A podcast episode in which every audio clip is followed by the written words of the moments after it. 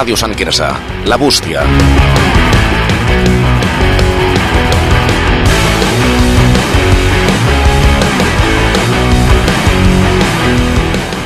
Bona nit, Sant Quirze. Benvinguts i benvingudes una setmana més a La Bústia, un programa de Ràdio Sant Quirze. I estem aquí, que com sempre, que vam tornar ja a la normalitat. Bona nit, company, com estàs? Bona nit, què tal tot? Com va, com va la setmana? Molt bé, la veritat és que molt bé. Avui, eh, avui no som l'11 titular, avui hi ha un petit canvi a la plantilla Sí. y, mm, y ya una persona al, al, al mando de la nave que se dirige claramente al abismo, no, Què? esperem que no.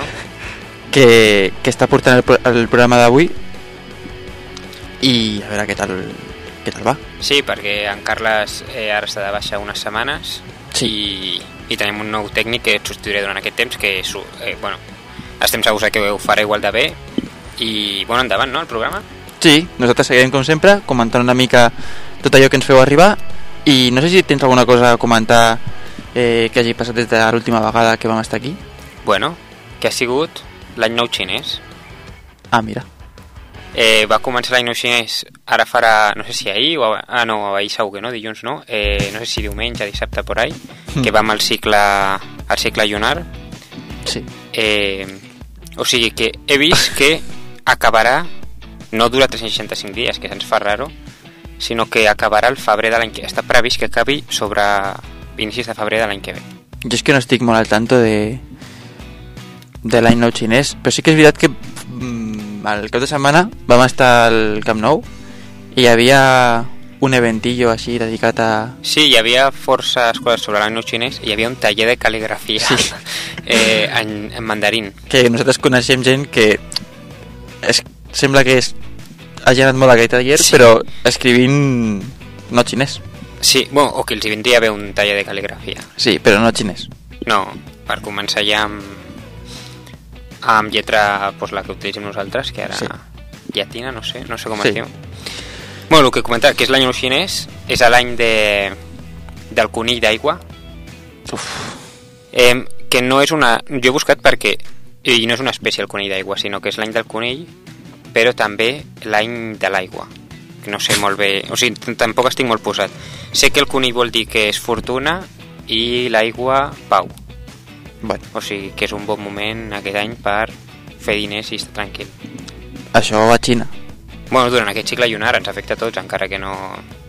Com va pel cicle lunar, a nosaltres també ens afecta el cicle lunar, encara que Bueno, nosaltres clar, bueno, no el- regim el nostre calendari per... Al compartir planeta amb els xinesos Sí, i sí, xineses. sí, sí. Molt bé. Eh, doncs tindré en compte això que m'has dit, perquè està bé saber els diferents calendaris que hi ha en el món. Sí, i, i desitjar bon any a tots els xinesos que ens escolten. Clar, és que tu pensa, o sigui, nosaltres fa, bueno, fa aproxima, aproximadament un mes eh, estàvem fin de año, Celebrant l'any nou? però els xinesos van aguantar una mica més per, per celebrar-lo ara. Sí. Sí, sí. O no, potser ho celebren dues vegades. Amb No. el món tan globalitzat que hi ha ara, potser... Home, segurament el, els que visquin aquí, com per exemple l'home que està al basar aquí a Pau Casals, jo crec que sí que el va celebrar com ho vam fer nosaltres, però... Amb nosaltres, amb mi no. Bueno, ja m'entens. sí. Eh, sí, sí, sí, sí, pot ser. Bueno, el que comentàvem, que vam estar al Camp Nou, que Sí. anem no molt sovint, però solem anar els dos junts. Sí. Quan bueno, anem? jo només he anat amb tu. Sí, jo ara fa molts anys que no vaig amb algú que no sigui amb tu, perquè ens surt de franc i s'agraeix. Clar. És que una entrada, pagar 80-90 euros per una entrada... O sigui, ja a mi m'agrada molt, eh? Jo veig tots els partits del Barça, però... Jo és que a més tampoc, o sigui, si, soc, si soc del Barça, eh, però sí, però si guanya, tampoc segueixo els partits. Prefereixo que guanyi, però bueno, que puc dormir igualment, saps? Sí, jo també puc dormir, però jo sí que veig tots els partits i de totes formes mm, prefereixo pagar els diners que val gastar-me'ls en altres coses que en el camp, però com tenim Sí. l'oportunitat d'anar, ens ho passem molt bé i és un ambient festiu i divertit. I més amb la fresca. Sí, ahir feia un... Bueno, l'altre dia fotia un fred que Sí. deixa l'ànima. I, I la fresca i en passar-te un partit de merda. Va ser dur, o sigui, ens ho passem bé perquè anem parlant i fem programa de ràdio en directe. Pràcticament. Sense, sense emitir.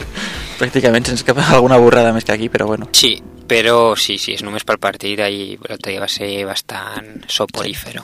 Però com a experiència guai. Sí, sí, no, està molt bé. Vale, eh, t'ho tornaré a preguntar. Has seguit amb el propòsit de la lectura? Sí, ja m'he llegit dos llibres. És que, es, perdona, eh? estic esperant a que vinguis un dia i que diguis ja ho he deixat. Mm, De moment m'he llegit dos llibres i just avui he començat un altre. O sigui que de moment viento en popa a toda vela. M'he llegit un... O sigui, em vaig llegir un que ja el vaig acabar i ara m'he acabat un que es diu Ara que estem junts, que justament és d'un escriptor que es diu Rob Casagran, si no m'equivoco, que és de Sabadell i va sobre eh, la vida de... Bueno, centrada en dos germans bessons que a l'exili durant la guerra civil que va succeir aquí a l'estat espanyol. Però, i el llibre, el llibre anterior que vas llegir era mateixa temàtica? No, era Tokyo Blues eh, sobre un estudiant universitari japonès i la seva vida amorosa. Vale, llavors no era el mateix tema. Però No, llavors sí que el programa anterior vas comentar que estaves llegint aquest llibre. El que passa que no em vas no me'n comentar que recordo, era... no me'n recordo, pot ser. Vale. Sí, suposo que sí, ja el vaig començar, sí, ja el vaig començar la setmana passada, però sí, suposo. Molt bé. Bueno, per la meva part, eh, t'haig de comentar que aquest programa és l'últim que faig com a estudiant universitari. És a dir, tot el que vingui a partir de la setmana que ve, Si tot va bé. si tot va bé, que ja t'ho dic, dic ara que anirà bé. Eh, a partir de la setmana que ve, tot el que vingui és gratis. O sigui... Eh... Regalem el nostre a la gent. la- el, nostre temps, el nostre temps, bàsicament. I art. No sé si, si, si se li pot concedir, eh, concedir art a això, però sí, sí, sí. I... mm, Doncs tot el que vingui regalat. I el dia que deixi d'haver-hi, pues, ja està. Sí. Potser a meitats de febrer Sí, ens aniríem sense... Tu t'acomiadaries sense dir res. Mm, En el potser cas que sí. ens haguem d'acomiadar un dia. Potser sí. Sí, Bomba de humo. sí. Que la gent no sàpiga que és el- l'últim dia amb nosaltres. No. Bueno, ja veurem. De moment la intenció és seguir. Ja veurem quan ens dura, però la intenció és seguir. Sí, vale. I també, l'última cosa per comentar, eh, la setmana passada no, no vam pujar el podcast quan ho fem habitualment perquè, bueno, amb el tema de, de la baixa del Carles i tal, hem anat una mica eh, fora d'horaris i però estem ja recuperant la normalitat i no afectarà en principi en els problemes que venen, o sigui que Sí, la gent que no el va poder escoltar en directe està en Spotify des d'ahir, si no m'equivoco. Eh, I ja el poden escoltar quan vulguin. I, si no si no l'han escoltat, pues que l'escoltin i tenen doble ració, el d'avui i el, Sí, sí. i el de la setmana passada. exactament. Eh, vale, dit això, recordem una mica com funciona aquest programa. Sí, eh, ens podeu enviar les consultes a través de les xarxes socials, eh, sobretot la que tenim més activa és Instagram, on ens podeu enviar les coses per, per missatge privat o per al formulari que tenim linkat a la biografia. Sí que és el mecanisme principal una mica, que dona nom a aquest programa, que és la bústia, i per on ens heu fet arribar, per exemple, la consulta que comentarem ara. Sí. També podeu eh, comentar el programa en directe a través de, de Twitter, a Almohadilla la bústia SQV baixa. Millor que no ho feu, eh? Que... Bueno, l'altre dia Twitter cau, Twitter cau. Em va arribar notificació, em va arribar una notificació de Twitter d'algú d'activitat sobre un tema que potser tractem dintre de no molt. Quin? Les fonts de Sant Quirze. Ah, mira. Igualment, eh, com dèiem, Twitter està a tope, Sí, sí, sí, no donem abast. sí. O sigui que si ho comenteu, que no, no comenteu gaire, perquè no, no llegirem. bueno, intentarem, però no donem abast amb tot. Vale, molt bé. Pues dit això, jo crec que podem passar ja al contingut central del programa d'avui.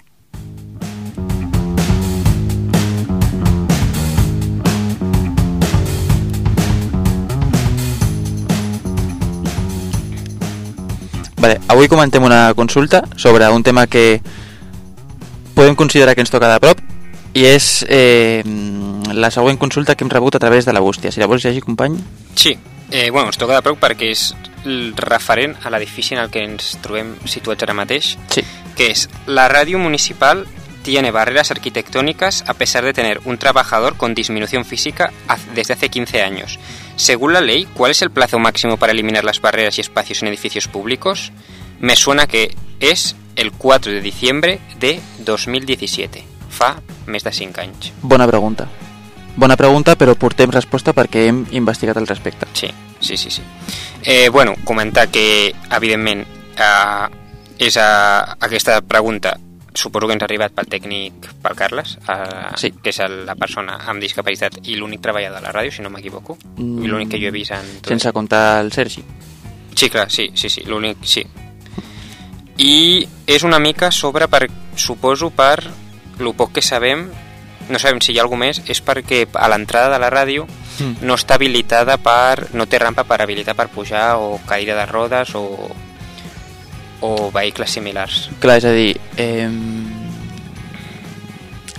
I no sé quin tipus més d'adaptabilitat necessita, perquè... sí, el no tema sé. és que l'accessibilitat, realment per una persona que, que té eh, una discapacitat, a l'estudi de, de Ràdio Sant Quirze ho té complicat, perquè no hi ha una rampa que pugui facilitar l'accés del vehicle amb el que, amb el que ve aquí. Clar. I després ja no sé si té altres tipus de dificultats per exercir la exercir de tècnic, o sigui, ja no, ja no ho sabem. Sabem que el de la rampa sí, perquè ens ho ha comentat fora de, bueno, no, Mm. fora de la consulta, però no sabem si hi ha altres tipus de dificultats. Però principalment Sí. es basa en això, eh, el que ens ha comentat de, de la rampa. Pel que ens ha comentat, eh, jo entenc que era únicament el tema de la rampa, però eh, perquè aquí dins de l'estudi jo crec que és un espai que tampoc és gaire gran com per... Bueno, no, és que no, no t'ho sabria dir, eh? però sí que ell el que ens ha comentat principalment és el tema de, de la rampa i segons el que hem vist, la llei estableix que els edificis i establiments públics i privats han de ser accessibles i inclusius per a les persones amb discapacitat. Que fins aquí Sí, i que això inclou l'eliminació de barreres arqui- arquitectòniques i de comunicació, la provisió de serveis d'ajuda a la mobilitat i l'adaptació dels serveis i les instal·lacions per satisfer les necessitats de les persones amb discapacitat. I també s'obliga a la realització d'inspeccions i auditories per garantir el compliment de la normativa. Sí, nosaltres hem recollit principalment, o sigui, hem recollit d'aquest Reial Decret Legislatiu la, els articles i, i la normativa referent a l'accés a, a l'accés, centrant-nos sobretot en el problema de la rampa, però també hi ha molts articles sobre eh, discriminació eh, a l'àmbit del treball i bueno, discriminació, que s'han de ficar facilitats perquè eh, una persona amb discapacitat tingui les mateixes eh, opcions i les mateixes facilitats que una persona no discapacitada per poder exercir la seva professió, que en aquest cas seria el del Carles realitzant sent tècnic de, sent tècnic de la ràdio. Vale. Eh, bueno, dins de, per exemple, dins de l'article 5, que és l'àmbit d'aplicació en matèria de no discriminació, hi ha un punt que és la- bueno, l'apartat B, que parla dels espais públics urbanitzats i infraestructures d'edificació. Ha eh, infraestructures i edificació, que vol dir que aquesta Reial Decret està afectat, o sigui, afecta directament a, a aquest espai com és la ràdio. Vale, sí, o sigui, és a dir, eh, podem garantir que eh, s'hauria d'aplicar en aquest cas perquè estem parlant Sí. de l'estudi de ràdio.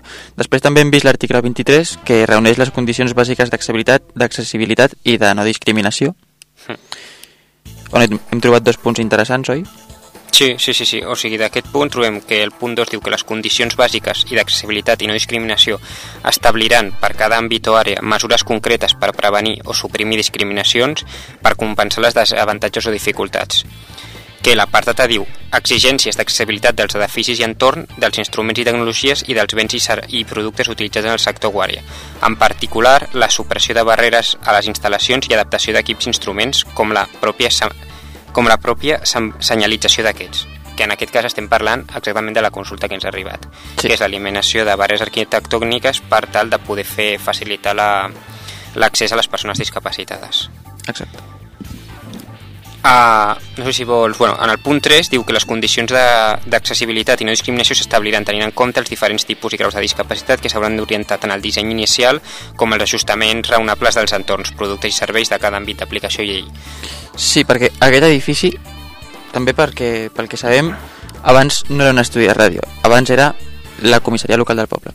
Sí, sí, sí, i aquí, o sigui, ja porta molts anys aquest edifici fet i aquesta llei fa distinció entre eh, a l'hora de, de regular eh, a regular eh, les formes d'accessibilitat fa una distinció evidentment eh, de la llei dels edificis que ja existien perquè s'han d'ajustar a la nova reglamentació i als nous edificis que s'havien de construir després de l'entrada en vigor d'aquesta llei que evidentment ja s'havien de construir directament complint amb aquesta normativa. No podia... Clar, és a dir, la normativa entenc que s'aplica pels... O sigui, els edificis antics, que per dir-ho d'una forma, que s'actualitzin, i els nous que ja es construeixin amb, amb aquestes Clar. mesures. Per exemple, l'article 25, que parla de les condicions bàsiques per, acce per accedir i la no discriminació en l'àmbit dels espais públics i urbanitzats, en el seu punt 1 diu que les condicions bàsiques d'accessibilitat i no discriminació de les persones amb discapacitat per l'accés i utilització dels espais públics i urbanitzats i edificacions seran exigibles en els terminis establerts reglamentàriament, que és el que ens ha comentat el Carles, de, a partir de quin termini mm. estaran, que ho diu a la disposició addicional tercera, punt 1, que ho comentarem a, que està al final, o sigui, que està al final del text legal, que primer comentarem un parell d'articles que hi han... Relacionats amb les infraccions sí. i sancions. Sí, i altres mesures, que, que si vols mirar tu, o sigui... Sí. Aquí amb el tema de les infraccions em recorda una mica el tema del que vam parlar sobre els gossos i les seves deposicions. Sí, perquè bueno, tot va lligat, no? La, al final la llei, quan no la compleixes, té unes infraccions i unes sancions aparellades perquè no només no et diuen no compleixes i ja està, sinó que et sancionen. Això sembla. Sí. I vale, llavors en l'article 81, que és el de les infraccions, eh, es consideren, bueno, especificat eh, les infraccions greus que són l'incompliment de, les exigències- de les exigències d'accessibilitat. Sí, hi ha més eh, infraccions greus, però hem agafat la que ens interessava, que és sobre la consulta que tractem, Mm. i és una, es considera una infracció greu incomplir les exigències d'accessibilitat. d'accessibilitat. Vale. I que en el següent apartat, en el següent article, bueno, el següent article no, en el, 20, en el 83, que eh, té, explica les sancions que porten aparellades les infraccions greus. Sí, i de fet el punt 1 de l'article 83 que explica aquestes sancions és curiós perquè posa les infraccions seran sancionades amb multes d'entre 301 euros fins a un milió d'euros. Sí. És un abanico curiós. Sí, però sí, ah, o sigui, perquè va en funció de... O sigui, és una diferència de, de diners molt gran, però s'ha de... Potser perquè... Bueno, a part de que té moltes variables que et sancionin eh, la diferència grau la diferència entre 301 euros i un milió d'euros va ve donat per molts condicionants que estan explicats a, seguidament, que us comentarem. Mm. O sigui, per començar les infraccions greus, que això les que no estiguin habilitades les condicions d'accessibilitat és una, és una sanció greu, és una infracció greu, porta una sanció aparellada que no pot, o sigui, no pot superar els 90.000 euros en cap cas. Vale. I, que, I quina és la diferència? O sigui, i perquè et multin en, fins a aquest rang, aquest rang de sanció de 90.000 euros, varia en conformar la intencionalitat, la negligència, el frau, l'incompliment d'adva- d'advertències prèvies, la xifra de negocis de l'empresa o de l'entitat, el número de persones que es vegin afectades, la permanència de les repercussions de la infracció, la reincidència, l'alteració social produïda, el benefici o el benefici econòmic generat per la, per la persona que comès aquesta infracció. Mm, vale. O sigui que probablement si el teu edifici, de, el teu bloc de pisos, de veïns, encara no està habilitat perquè accedeixi les persones amb discapacitat, molt probablement no us sancionin amb 90.000 euros, sinó que la Clar. sanció serà molt més baixa en el cas de que us sancionin. Però està bé tenir en compte una mica quin és el tope també, perquè dius, Sí, després t'arriba la multa i... sí, sí bueno. Sí. Vale, no sé què més podem comentar al respecte. Bueno, que a part d'aquesta sanció també eh, porten aparellada, o sigui, d'acord amb l'article 85, a part d'una sanció econòmica, també eh, les sancions poden aportar aparellades eh, la prohibició de concórrer en procediment d'obtenció d'ajudes oficials, com són les subvencions, pel termini d'un any en cas de sancions greus i dos anys en sancions molt greus. Perquè això no ho hem comentat, però, clar, quan es va fer aquesta llei no, no pots demanar que es compleixin aquestes condicions i que la gent gasti del, del, de la seva butxaca tots els diners, sinó que s'oferia una sèrie d'ajuts econòmics i subvencions per dur a terme eh, aquestes modificacions. I pues, si compleixes, et poden arribar a sancionar si no es compleixes amb això eh, sense, amb la possibilitat amb la impossibilitat de demanar aquestes ajudes. Llavors ara mateix eh, l'Ajuntament de Sant Quirze Bueno, al ser un... Al ser una entitat pública no sé molt bé com... Perquè és, és diferent, saps, de que un, Ja. un recinte privat no sé molt bé com va, però... I si no l'han sancionat, tampoc no sé des de... Ara mateix no sé des d'on... No, això no ho he mirat, qui, qui té la potestat per sancionar, així que no sé. vale. Però ara el que anàvem, que és lo- el motiu principal de la consulta, des de quin termini, des de quin, des de quin dia Hmm. s'ha d'exigir aquest compliment o ha d'estar complert eh, la, el reglament, des de quin dia s'ha de complir el reglament. I eh, això està a la disposició addicional tercera, que diu que en els terminis màxims d'exigibilitat de les condicions bàsiques d'accessibilitat i no discriminació són els següents. Per l'accés al, i utilització dels espais públics urbanitzats són espais i edificacions nous era a partir del 4 de desembre de 2010 Llavors, Aquí no afectava, Aquí no afecta. perquè ja estava construït abans de que entrés el Reial Decret en, d'aquest Reial Decret en vigor. sí, perquè de fet aquest estudi, eh, que hem comentat abans que era la comissaria local, va passar a ser un estudi de ràdio a partir de 2003. Sí. Sí, sí, l'edifici ja estava fet d'abans, o sigui que no Sí, era nou, sí, en sí. cap cas. Per això, en els espais i edificacions eh, existents a dia 4 de desembre de 2010 que siguin susceptibles d'ajustaments raonables, és el 4 de desembre de 2017. O sigui que a partir mini, o sigui, com a màxim de 4 de desembre de 2017 hauria d'estar complert. Mm. El que jo volia entrar que això és una variable que no, jo no sé desxifrar jo sol, és, clar, els edificis o edificacions que siguin susce- susceptibles d'ajustaments raonables, perquè evidentment hi haurà edificis que no permetin aquest ajustament a l'accessibilitat de persones I que es discapacitades vegin obligats a mm, derruir-lo i fer fer un de nou, per exemple. O, no, o que la llei no els afecti directament a ells per que accedeixin persones amb discapacitat. Igualment, en aquest cas, estem parlant d'una rampa d'un metre, potser. Sí, no, jo crec que aquí aquest espai sí que és susceptible d'un ajustament per poder col·locar una rampa a la porta, Sí. però jo no ho sé 100%. O sigui, a priori, a simple vista, sembla que sí.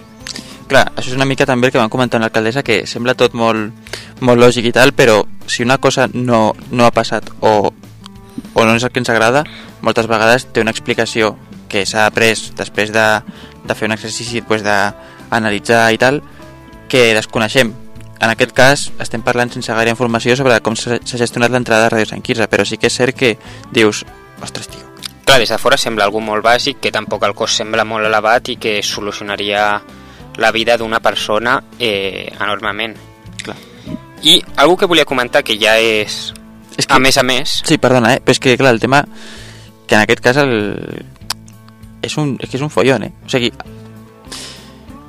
Perquè el, el Carles no pot teletreballar, és a dir, o s- parcialment... que teletreballa. Bueno, sí, parcialment, però si nosaltres venim aquí a fer el programa, no pot Sí. teletreballar. No, no, i quan nosaltres cada dia que hem vingut aquí estava aquí gravant i tu que has vingut també en altres ocasions a veure com eh, feien altres gravacions també estava ell aquí i ell ha de venir pràcticament, suposo que la majoria dels dies que, bueno, tots els dies que hi hagi gravació a l'estudi, ell ha de ser aquí.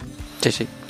Bueno, algú que volia comentar ja com curiós perquè era diferent, que és en, també de la mateixa disposició addicional sobre terminis, que és en el cas de l'accés i utilització de béns i serveis a disposició del públic, que aquesta ràdio, aquest estudi de ràdio, és un servei i una disposició al públic perquè Sí. nosaltres Sí, sí. estem fent servir això com a usuaris i és un servei que estem fent servir que està per part de l'Ajuntament I que em... tots. Sí. Eh, els terminis eren encara menors, o sigui, per als que eren nous, per als que eren nous era, havi- havia de ser a partir de... Per als edificis nous, bueno, per als béns i serveis nous que, bueno, que es fessin edificis que fossin nous, havia de ser obligatòriament a... no hi havia cap termini, sinó a partir de que entrés en vigor el, el Reial Decret i pels que ja esti, i pels edificis, bueno, pels béns i serveis existents a dia 4 de desembre de 2010 és sus- susceptibles, evidentment, d'ajustament raonable, que és quan siguin de titularitat pública, com és aquest estudi de ràdio, si no Mm. m'equivoco, que estic quasi segur que sí, però no, Sí. no... El 4 de desembre de 2015, o sigui, dos anys abans encara de... Però en, en tot cas, això, aquest estudi ja hauria d'estar habilitat per... En el cas de que, repetim, que sigui susceptible d'ajustament raonable, Que entenem que sí. Sí, bueno, donem per fet que sí. Em, hauria d'estar ja habilitat per, per persones amb discapacitat. Clar, i això és que és una mica... Perquè és un tema que ja hem comentat, eh, fora de l'estudi, però mm, no acabem de trobar un raonament lògic perquè aquí a Sant Quirze hi ha diners també i no, no em posaré a veure on van destinats i on no van destinats perquè tampoc m'informo ni, ni, ni... Bueno, és que no sóc ningú per, per jutjar-ho, però sí que sobta dir, hòstia, no hi ha una, una rampa aquí Sí, perquè o pugui sigui, entrar un treballador?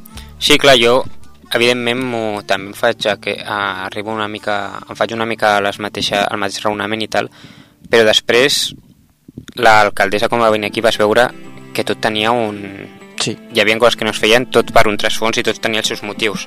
O sigui, volem pensar que això no s'ha fet encara i no s'ha de terme perquè té un motiu darrere, no sé si econòmic o que s'ha prioritzat altres coses, Mm. però que això, això es té planejat per fer-se més, esperem que més tard que d'hora, però no estem segurs, evidentment. El tema és que si, en el cas que sigui co- com comentem, si havia d'existir una rampa des de 2015 i encara no està, mm, Sí, no, jo dubto des... que s'estigui planejant. No sé, jo des de fora evidentment eh, sobta bastant perquè a més a, el Carles porta treballant aquí molts anys, bueno 15 anys com ens ha comentat i des de sempre ha estat a, des de que va entrar a l'estudi tenia a, bueno, ha viscut amb aquesta discapacitat aleshores el problema ha estat existent des de que ell va arribar aquí Mm. aleshores doncs I que vull aprofitar per dir que el Carles és un tio de puta mare. O sigui, Sí, bueno, i encara que fos una... que no ho és, però encara que fos una mala persona, Sí. té el mateix dret a que estigui habilitat per, Sí, per ella aquest estudi. no estic, no estic dient que no, però mm, que vull aprofitar per dir que ell ens ha ajudat a fer tot això i que li estem molt agraïts també. Sí, sí, ja ho hem comentat diverses vegades, sense ell, bueno, aquí, pot- eh, no... No sé, ens ha fet estar molt còmodes des del primer dia i estem bé. Jo una cosa que... O sigui, a mi el que m'ha sobtat és que a aquest govern eh, sempre ha tingut com un dels punts centrals del seu programa electoral la igualtat de tots els veïns de Sant Quirze. Hm.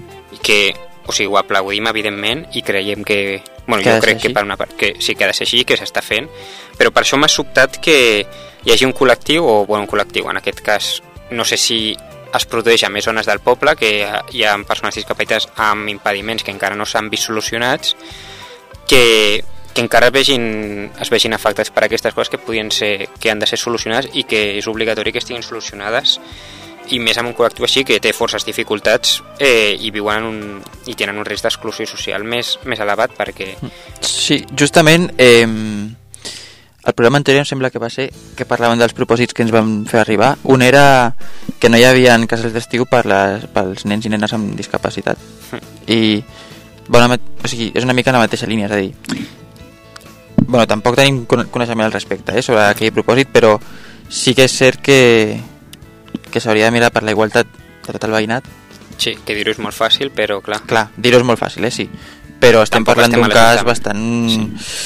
No sé, o sigui, és una persona que porta aquí 15 anys... No sé. Sí, sí, sobta. Quan menys em va sobtar bastant des del primer dia i ara que ens ha arribat la consulta doncs ho hem volgut tractar de la millor manera que hem sapigut Sí. encara que ha quedat una mica atragancat tot el programa però una mica tostom, però bueno, és el que s'havia de fer i nosaltres volem des d'aquí, des del nostre no diria altaveu perquè no crec que, que alci molt la nostra veu però nosaltres eh, donar el nostre gra de sorra intentar fer el que sigui o sigui, intentar fer el que està a les nostres mans perquè això solucioni. També el programa d'avui... Mira, no, no volia dir, tio, però és que hem portat uns dies una mica moguts, almenys jo, i no l'hem preparat potser tot, el que hauríem d'haver preparat. I ha quedat una mica tostom, però bueno. Bueno, el problema sí, perquè hem, hem llegit molta legislació i tal, que hem estat buscant... És que sí, aquesta setmana ens hem anat més liats, però volíem fer això, volíem tractar aquest tema. Al final crec, crec que ho hem tractat no del tot malament.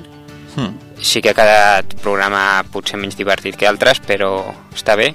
I sabem que tampoc aquests programes ser- serveixen per gaire, la veritat, però Mm. que almenys quedi dit això, que és Mm. una consulta que ens heu fet arribar i que nosaltres la posem sobre la taula. Sí, o almenys que les persones que ens escoltin sapta, saben que existeix aquesta problemàtica ja no només d'entrada de ràdio, sinó que potser en altres coses perquè tu no et poses a, moltes vegades amb, a la pell de persones, i ho dic començant per mi, eh? Sí, sí. De persona, o sigui, tu no, com no et poses a la pell d'altres persones o no saps tampoc el que, quines dificultats tenen altres persones, ja no parlo només de persones discapacitades, sinó qualsevol cosa que per tu et sembla una acti- l'activitat més fàcil i més normal de fer, o una cosa molt normal, a una altra persona li pot costar més o li pot suposar unes dificultats que tu ni, ni et planteges. Clar, tu no tu no t'ho planteges pel simple fet que tu vens aquí, a, per exemple, a l'estudi de la ràdio i dius, pues entro. És a dir, per tu veus dues escales i dius, Sí. és que és, estic habituat a això, però és que no sabem eh, quina és la perspectiva, el punt de vista d'una persona que no, no pot veure de la mateixa manera perquè no pot pujar do, dos escales. Sí, hi ha moltes nosaltres. realitats que no coneixem nosaltres. Exacte. Llavors, bueno, queda dit això i, i jo crec que amb això pues, acabem el programa d'avui, no? No, porta, no portàvem res més preparat, la veritat. No, perquè aquesta consulta ja sabíem que se'ns allargaria, així que avui ha quedat el programa, no sé si més curt, la veritat, o... Bueno, però crec que hem tocat el tema central que volíem fer i, i la setmana que ve més i millor, no? Sí, o sigui que volem agrair eh, tot el feedback que rebem per la vostra part per xarxes i tal i res, recordar-vos que podeu participar enviant qualsevol cosa per Instagram, Twitter o pel correu que tenim enllaçat a, al perfil, que això s'emetrà també dijous a les 11 de la nit i que esperem que en breu pugueu tenir el, el podcast. Sí, i la setmana que ve en principi Sí. tenim sorpresa. La setmana que ve tenim un altre convidat i parlarem d'un tema que crec que no es planteja gaire la gent d'aquí. Jo encara no sé, per mi també és sorpresa, o si m'ho has dit no me'n recordo, No te'n però... recordes? Doncs, no, jo tinc moltes ganes, eh, perquè l'entrevista amb l'alcaldessa jo m'ho vaig passar, em vaig entendre bastant i crec que va ser una conversa, bueno, de la que hem rebut molt, molt bon feedback, així que esperem que a la següent sigui igual o millor encara. Sí, i segur que serà així. I si no és així, doncs mala sort. Bueno, sí, almenys en- ho intentem fer bé, el millor que sapiguem. Ahí està. Pues res més. Bona nit. Bona Bona nit nit. a tothom i ens escoltem la setmana que ve.